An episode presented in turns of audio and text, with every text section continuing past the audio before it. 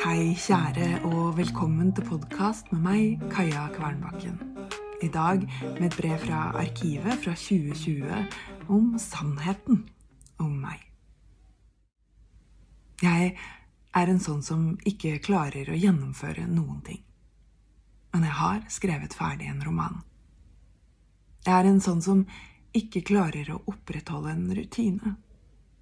Men jeg har sendt ut brev hver eneste fredag i snart to år.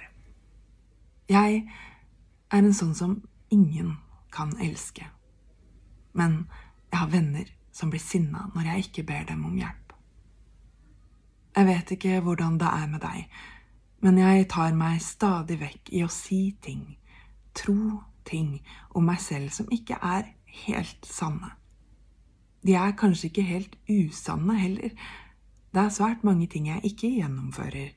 Jeg sliter med å opprettholde gode vaner, på tross av at jeg skriver om dem nesten hele tiden. Og jeg holder folk på god avstand, sånn at jeg skal slippe å kjenne på at de velger meg bort. Men det gjør meg ikke noe godt å stadig vekk tre sånne usannheter nedover meg selv som tvangstrøyer. Det blir trangt, og det tar fra meg noe av gleden og ikke minst stoltheten over å gjøre gode ting.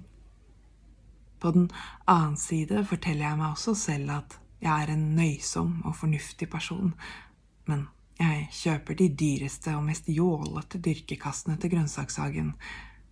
Jeg sier at jeg spiser veldig mye grønnsaker, men jeg sitter og venter på å få levert nesten to kilo pølse, og ja, de er også jålete. Jeg sier at jeg er veldig flink til å spise variert, men har spist det samme til frokost og lunsj hver eneste dag denne uken.